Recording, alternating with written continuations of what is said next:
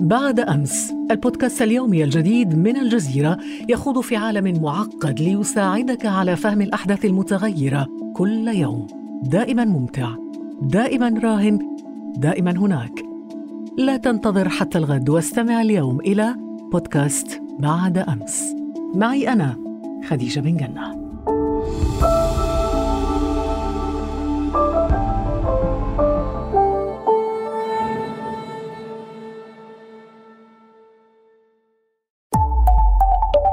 الجزيرة بودكاست.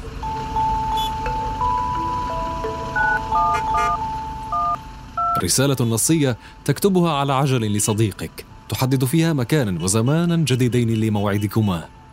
ثلاث ضغطات على الزر نفسه ليظهر حرف الخاء. أربع ضغطات أخرى على زر ثان ليظهر حرف اللام. الأمر بات مملا مع هذه الهواتف التقليدية. لم تكن فكرة التخلي عن هاتفك النوكيا تراودك من قبل. جهاز صمد كل هذه المدة وقدم لك كل ما احتجته من اتصالات ورسائل نصية. لسنوات تسابقت مع أصدقائك لشراء إصداراتها الجديدة ستة من كل عشرة هواتف حملها المستهلكون حول العالم كانت من صنعها لكن الأمر يتجاوز الآن مهام الاتصال والرسائل منذ الإعلان عن آيفون الذكي قبل سنتين بشاشة اللمس الكبيرة والذي يجمع مشغل الموسيقى والاتصال بالإنترنت بالهاتف الخلوي. لم يعد نوكيا التقليدي اختراعا عصريا. أنت بحاجة لجهاز أسرع وأذكى لكن إخلاصك لمنتجات نوكيا تصميماتها ومتانتها وأنغامها التي ألفتها يمنعك من التخلي عنها. هل تذكر أسماءها الدارجة في الأسواق العربية؟ باندا، دمعة وبشار الذي ظل مخلصا لك لسنوات. شركتك المفضلة تتأخر بإصدار هاتف ذكي منافس بشاشة اللمس التي تحلم بها.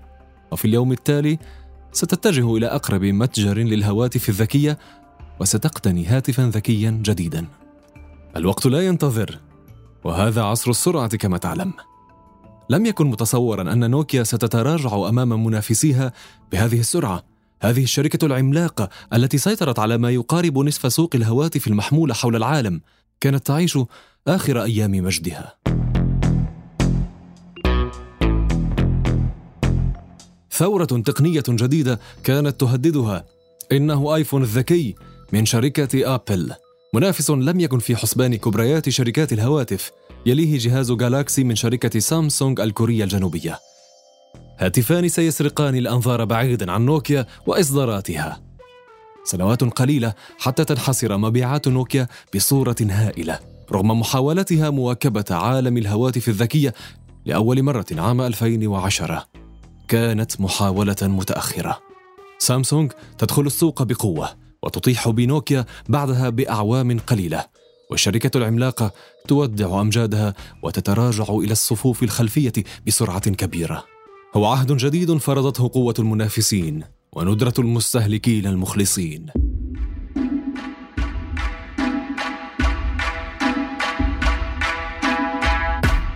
هذه لحظة فارقة في عالم التقنية، بدلت وجه سوق الهواتف المحمولة وغيرت شكل تواصلنا إلى حد كبير.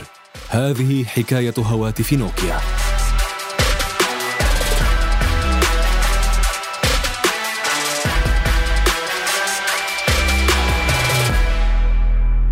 أهلا بكم في هذه الحلقة الجديدة من بودكاست لحظة من الجزيرة. أنا فريد وهذه الحلقة بعنوان من نوكيا لهواوي حروب الهواتف الذكية. لنعد إلى البدايات. ما هي نوكيا؟ ومن أين جاء اسمها؟ في النصف الثاني من القرن التاسع عشر وفي بلدة فنلندية اسمها نوكيا استقرت منشأة متواضعة لصناعة الورق واتخذت من اسم البلدة الصغيرة عنوانا لها. على مدار عقود حققت منشأة نوكيا نجاحا متناميا في صناعات مختلفة من الأحذية المطاطية وإطارات السيارات إلى الكابلات والتلفزيونات. بعد 120 عاما على التأسيس كانت الشركة في أوجها وقدمت إنجازات ثورية في عالم الاتصالات. أجرت نوكيا أول اتصال بتقنية GSM أو النظام العالمي للاتصالات المتنقلة التي تعد اليوم التقنية اللاسلكية الأكثر استخداما على الإطلاق. ومع مطلع الألفية الثالثة كانت إصداراتها الأكثر مبيعا من بين العلامات التجارية للهواتف المحمولة. وبإصدارها هاتف نوكيا N90 المزود بكاميرا وشاشة قابلة للدوران عام 2005 كانت تحاول نقل تجربة الهاتف المحمول إلى مرحلة جديدة. ظلت نوكيا مستمرة بالصعود حتى أصبحت الخامسة على مستوى العلامات التجارية الأكثر قيمة لعام 2007 مجد لم يدم طويلا. بدأ أن نوكيا قد وصلت القمة بأجهزتها المتينة ومواصفاتها الحديثة غير أن ثورة غير متوقعة في تقنية الهواتف الذكية وشاشات اللمس كانت في طريقها إلى الأسواق وذائقة المستهلكين. ستيف جوبز مؤسس شركة أبل الأمريكية يعلن عن منتجه الجديد آيفون في عرض تاريخي These are not three separate devices. This is one device. And we are calling it iPhone.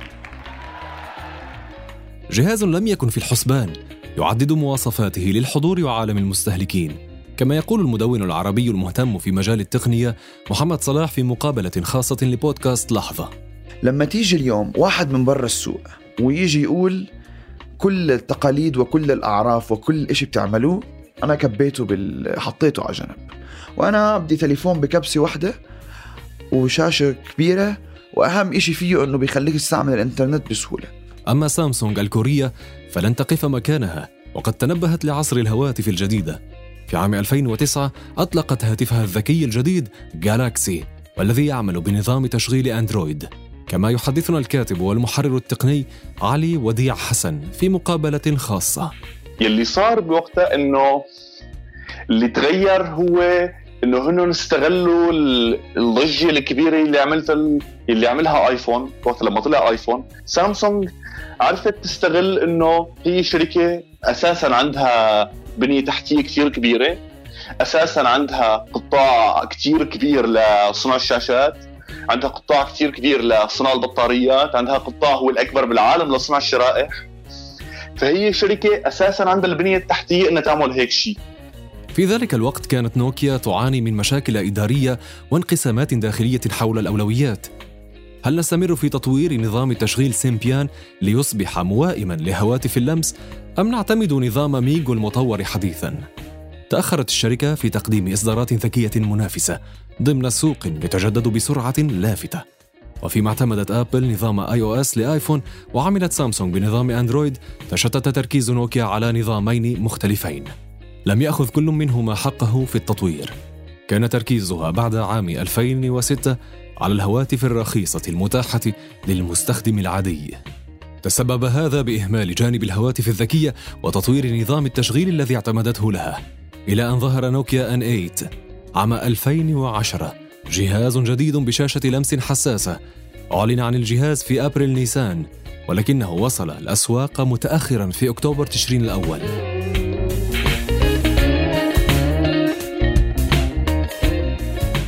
حتى نهاية العام باعت نوكيا ما يقارب أربعة ملايين جهاز ان 8 وقت لجأ فيه عدد أكبر من المستخدمين إلى إصدارات المنافسين رغم ذلك كان آيفون 4 الذي أصدرته آبل في منتصف العام ما زال يتفوق على نوكيا بمراحل في الأسواق الأوروبية على وجه الخصوص. المدون في مجال التقنية محمد صلاح يرى أن احتمالية المغامرة حينها لعبت دورا في تراجع نوكيا الكبير.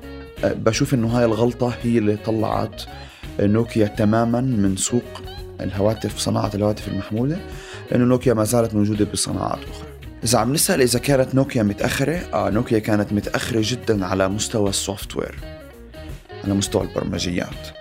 على مستوى ال- ال- الأجهزة نفسها ك hardware كقطع في الجهاز. نوكيا كانت جيدة جدا جدا جدا جدا وكانت تقريبا سابقة السوق كله. وحتى لما اجى الآيفون كان عندها كتير تليفونات فيها كاميرات أحسن من من الآيفون. بس كان عنده مشكلة حقيقية في البرمجة كان عنده مشكلة حقيقية في ال software أهملوا تماما هذا الجزء.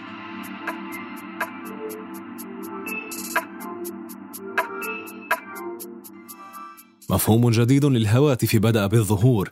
لم يعد إجراء الاتصالات أو التصوير بجودة محدودة وحسب هو كل ما ينتظره المستهلكون من أي هاتف. والمتانة التي امتازت بها إصدارات نوكيا لم تعد كافية.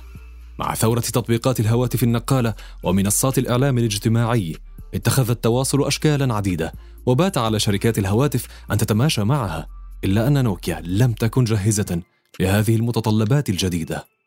بين عامي 2012 و2014 انهارت مبيعاتها من الهواتف وتربعت سامسونج على عرش السوق. كان الصمود مستحيلا ولم تكن نوكيا الوحيدة.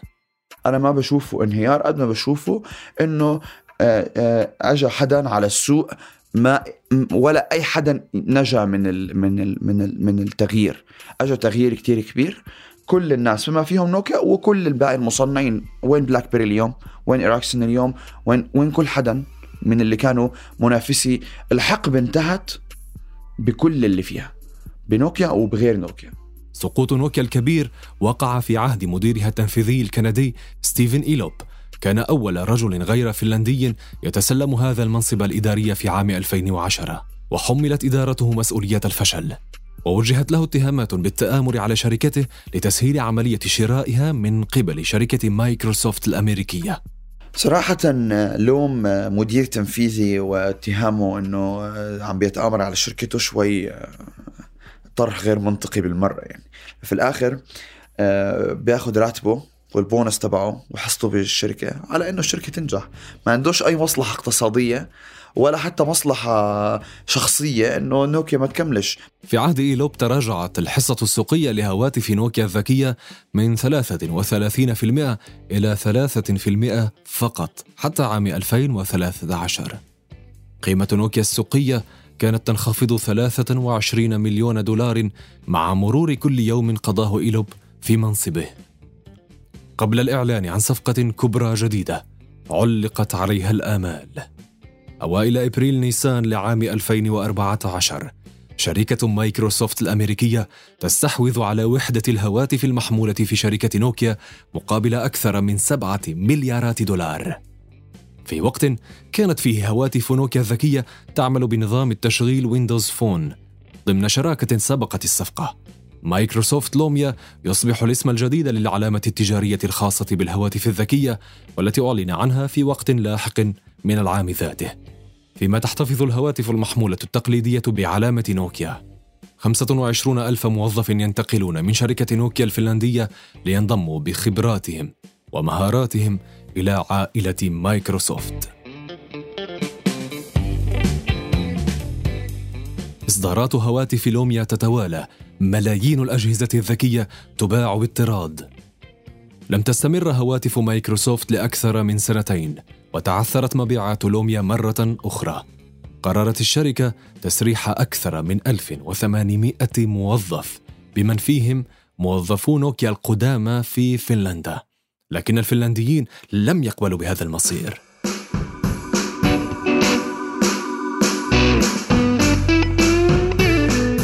عملوا على صفقة جديدة. ستعيد اسم العلامة التجارية لنوكيا إلى السوق.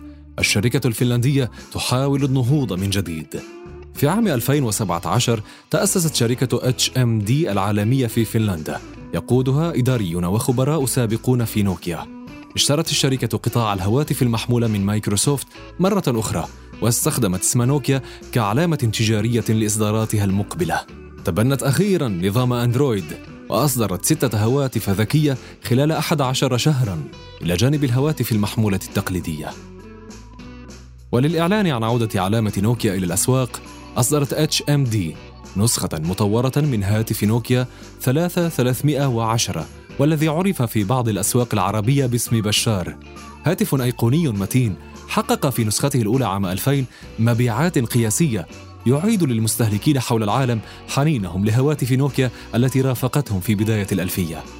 لم يبدو حجم المبيعات هدفا أساسيا للنسخة الجديدة من الجهاز وإنما خطوة تسويقية جذبت اهتمام وسائل الإعلام. يعتقد الكاتب والمحرر التقني علي وديع حسن أن الفكرة حملت أوجها مختلفة. بهذيك الفترة كان في هواتف سوني إريكسون كان في هواتف آه، كان في هواتف سامسونج كان في كثير هواتف كان في هواتف موتورولا كان في هواتف إل جي كان في كثير شركات ثانية لكن ولا واحدة من هالشركات الثانية هواتفها لسه عن جد مستخدمة. الواحد ما بيروح مثلا آه، ما بيشوف حدا حامل موبايل آه، سوني إريكسون عمره 15 سنة بس بيشوف واحد حامل موبايل نوكيا عمره 15 سنة. لأنه موبايلات نوكيا كانت هي هي نقطة مبيع أساسية لها أنه موبايلات نوكيا بتدوم. رغم ذلك يقول حسن إن صورة نوكيا في أذهان المستهلكين والمرتبطة بالهواتف التقليدية القديمة قد تؤثر على قراراتهم الشرائية.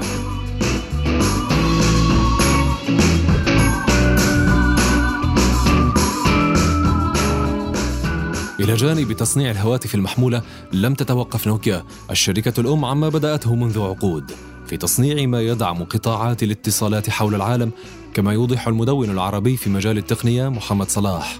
آه، نوكيا اليوم واقفة في المحل اللي طول عمرها واقفة فيه. أكبر آه، مزود خدمات في العالم لتقنية الهواتف. إذا المعلومة اللي مش كثير ناس بيعرفوها نوكيا still up running نوكيا شغالة لليوم. وبتبيع تكنولوجيا 4G و5G و3G لكل الناس حول العالم. نوكيا بتربح أو بتجني من كل جهاز يستخدم تقنية ال 5G ما يقرب من 3.4 دولار. بس تخيلوا كم جهاز كم هاتف محمول سيتم تصنيعه بتقنية ال 5G في العشر سنين الجايين. ولكن ما الذي تقدمه خبرة نوكيا الطويلة في تقنيات الاتصالات في سوق الهواتف الذكية الذي يسيطر عليه عمالقة جدد. ما تزال شركة سامسونج الكورية الجنوبية في المقدمة بأجهزة جالاكسي الشهيرة المصنع الأول للهواتف الذكية حول العالم. لكن وحشا اسمه هواوي قد يزيح الجميع عن الواجهة. هي شركة صينية متعددة الجنسيات تعمل منذ الثمانينات في قطاع الاتصالات لكنها دخلت سوق الهواتف الذكية بقوة غير متوقعة. في عام 2018 باعت أكثر من 200 مليون وحدة هاتفية ما جعلها ثاني مزود للسوق بالهواتف الذكية بعد سامسونج وقبل أبل منذ عام 2010 تضاعفت مبيعاتها من الأجهزة الرخيصة والمنافسة أكثر من 66 مرة في وقت كان فيه أبرز مصنعي الهواتف المحمولة سوني وموتورولا وإل جي وبلاك بيري على وشك الاستسلام. يقول علي وديع حسن إن جميع من في السوق يتأثر بما تقدمه الشركات الصينية الآن. سامسونج تأثرت حتى أبل تأثرت. الشيء اللي عملته شاومي هي وبرفقة الجزء الهواتف الفئة الدنيا من هواوي نفس الشيء. هدول الهواتف انتشروا بسرعة عم يقدموا مواصفات جيدة بالنسبة لأسعارهم أسعارهم كثير رخيصة قبل الهواتف الثانية وال الشعوب بالعالم الثالث يلي هي الأماكن اللي لسه فيها سوق هواتف الأسواق الأوروبية الأسواق الأمريكية حتى السوق الصيني ضاق. الشركات الصينية مش تاركة مجال لحدا بنوب بمجال آه، الفئات الرخيصة. الهواتف الرخيصة ما في أي مجال فيها بنوب هلا حاليا مسكرينها بشكل شبه كامل. إذا الواحد بده يشتري هاتف لنحكي مثلا 200 دولار أو 300 دولار آه، ما في هاتف بيقدم له الأشياء اللي ممكن يحصلها من واوي أو من شاومي. على الطرف الآخر من العالم شرع الرئيس الأمريكي دونالد ترامب في مواجهة ضد هواوي. في آب أغسطس عام 2018 وقع ترامب على قانون يتضمن منعا للمتعاقدين مع الحكومة الأمريكية من استخدام تقنيات أو معدات الشركة الصينية. وفرض محددات واسعة على استخدامها داخل الحكومة الأمريكية. كانت المخاوف الأمنية عنوان هذه الإجراءات. الشركة أكدت استقلاليتها نافية أن تتسبب منتجاتها بمخاطر أمنية. وظلت هواوي مستمرة في الصعود وزادت مبيعاتها بنسبة 25% في ذلك العام. لكن التضييقات تستمر ورغم مساهمة هواوي بتطوير نظام التشغيل أندرويد تعلن شركة جوجل عن قرار قاس. الشركة الأمريكية تلتزم بقرارات ترامب. تمنع هواوي من الوصول إلى تحديثات نظام أندرويد وإمكانية الوصول إلى متجر تطبيقات جوجل وبريد جيميل. قد يعني ذلك أيضا حرمان مستخدمي هواوي من تطبيقات أخرى مثل خرائط جوجل ويوتيوب.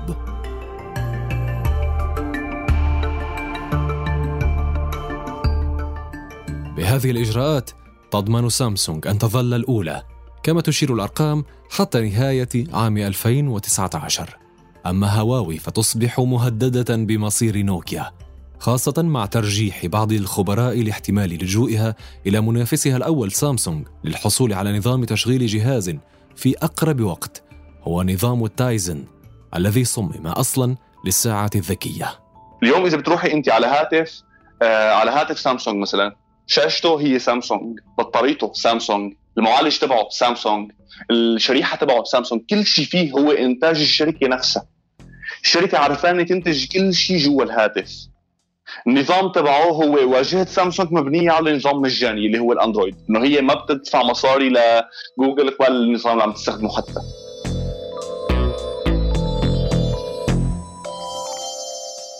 الرهان الآن على قدرة شركات الاتصالات بالوصول إلى شرائح أوسع من المستهلكين.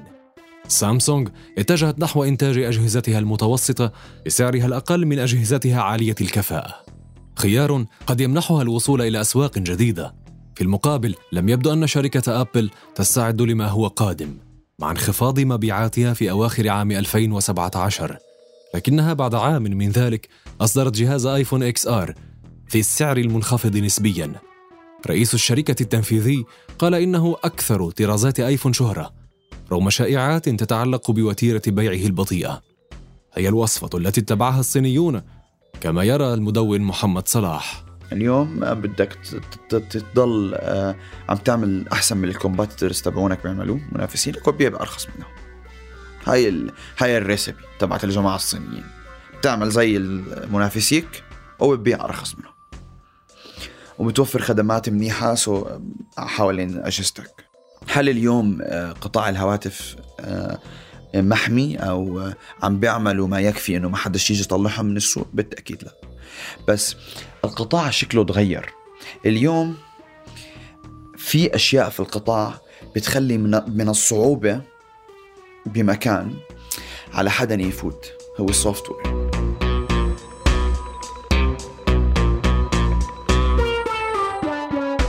بينما تقف هذه التحديات في طريق أبرز مصنعي الهواتف حول العالم تستمر نوكيا العائدة إلى السوق من جديد في إصداراتها الحديثة. في شباط فبراير من عام 2019 قدمت نوكيا إصدارها الحديث. هاتف ذكي خماسي الكاميرات. ولكن هل يستطيع المنافسة في سوق الهواتف الشرس؟ فالهاتف للوهلة الأولى بيطلع الواحد هاتف جديد كتير شيء مثير للاهتمام في خمس كاميرات إنه بينما الهواتف الفئة العليا الثانية كلها two lenses or 3 هو خمسة. هي إنه بس بس الواحد مجرد إنه يتجاوز ال... يتجاوز هي الصدمة تبع إنه خمس كاميرات. الهاتف مو بس ما فيه شيء الهاتف معيب بصراحة. الهاتف عم يستخدم معالج من السنة الماضية عم يستخدم تصميم تعب من السنة الماضية. المستخدمين بدهم شغله شغلتين أساسيات من العدسات الإضافية للكاميرات. بدهم كاميرا تعمل لهم blurring effect تأثير اللي بسموه bokeh هي اللي آه، خلفية مغبشة بتصير ببساطة. والتأثير الثاني هو إنه يكون عند الواحد زاوية عرض كثير عريضة. فيه يلتقط صورة ويكون كل شيء واضح فيها. للأسف التأثيرين شبه غايبين. لا تبدو الصدارة سهلة على أي من مصنعي الهواتف الذكية حول العالم. ورغم ذلك تبدو نوكيا مصرة على العودة إلى أمجاد الماضي. فبعد التراجع الهائل لسنوات تقول الأرقام إنها عادت لتحتل المرتبة التاسعة في سوق الهواتف الذكية. وفي عام 2018 سجلت نوكيا نموا بنسبة 126% عن العام الذي سبقه. فهل تاتي الظروف الجديدة والتضييقات التي فرضت على وحش الهواتف الذكية هواوي لتساعد نوكيا في إيجاد مكان لها مجددا في السوق الشرسة وهل تساعدها في ذلك مزاياها المعمرة أم إنها لم تعد تفهم احتياجات المستهلك الذي صار يتطلع لمرونة الاستخدام وإبهار التكنولوجيا أكثر من المتانة؟ في ظل هذه المنافسة المحتدمة والتي تلعب فيها السياسة دورا محوريا يقول متابعون إن ما يحتاجه السوق اليوم هو اختراع ثوري جديد قد يزيح ما بين أيدينا عن الواجهة. ويغير من شكل التواصل بيننا.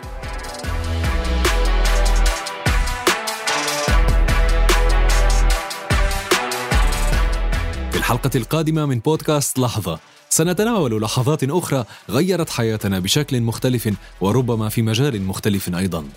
انتظرونا الأربعاء المقبل لتتعرفوا على اللحظة القادمة ولا تنسوا زيارة موقعنا على الإنترنت podcast.aljazeera.net ومشاركة هذه الحلقة مع أصدقائكم. كان معكم في هذه الحلقة فريد. إلى اللقاء.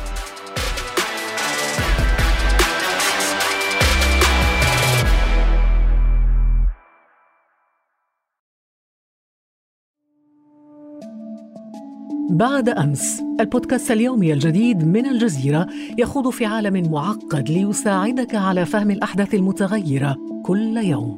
دائما ممتع دائما راهن دائما هناك. لا تنتظر حتى الغد واستمع اليوم إلى بودكاست بعد أمس. معي أنا خديجة بن جنة.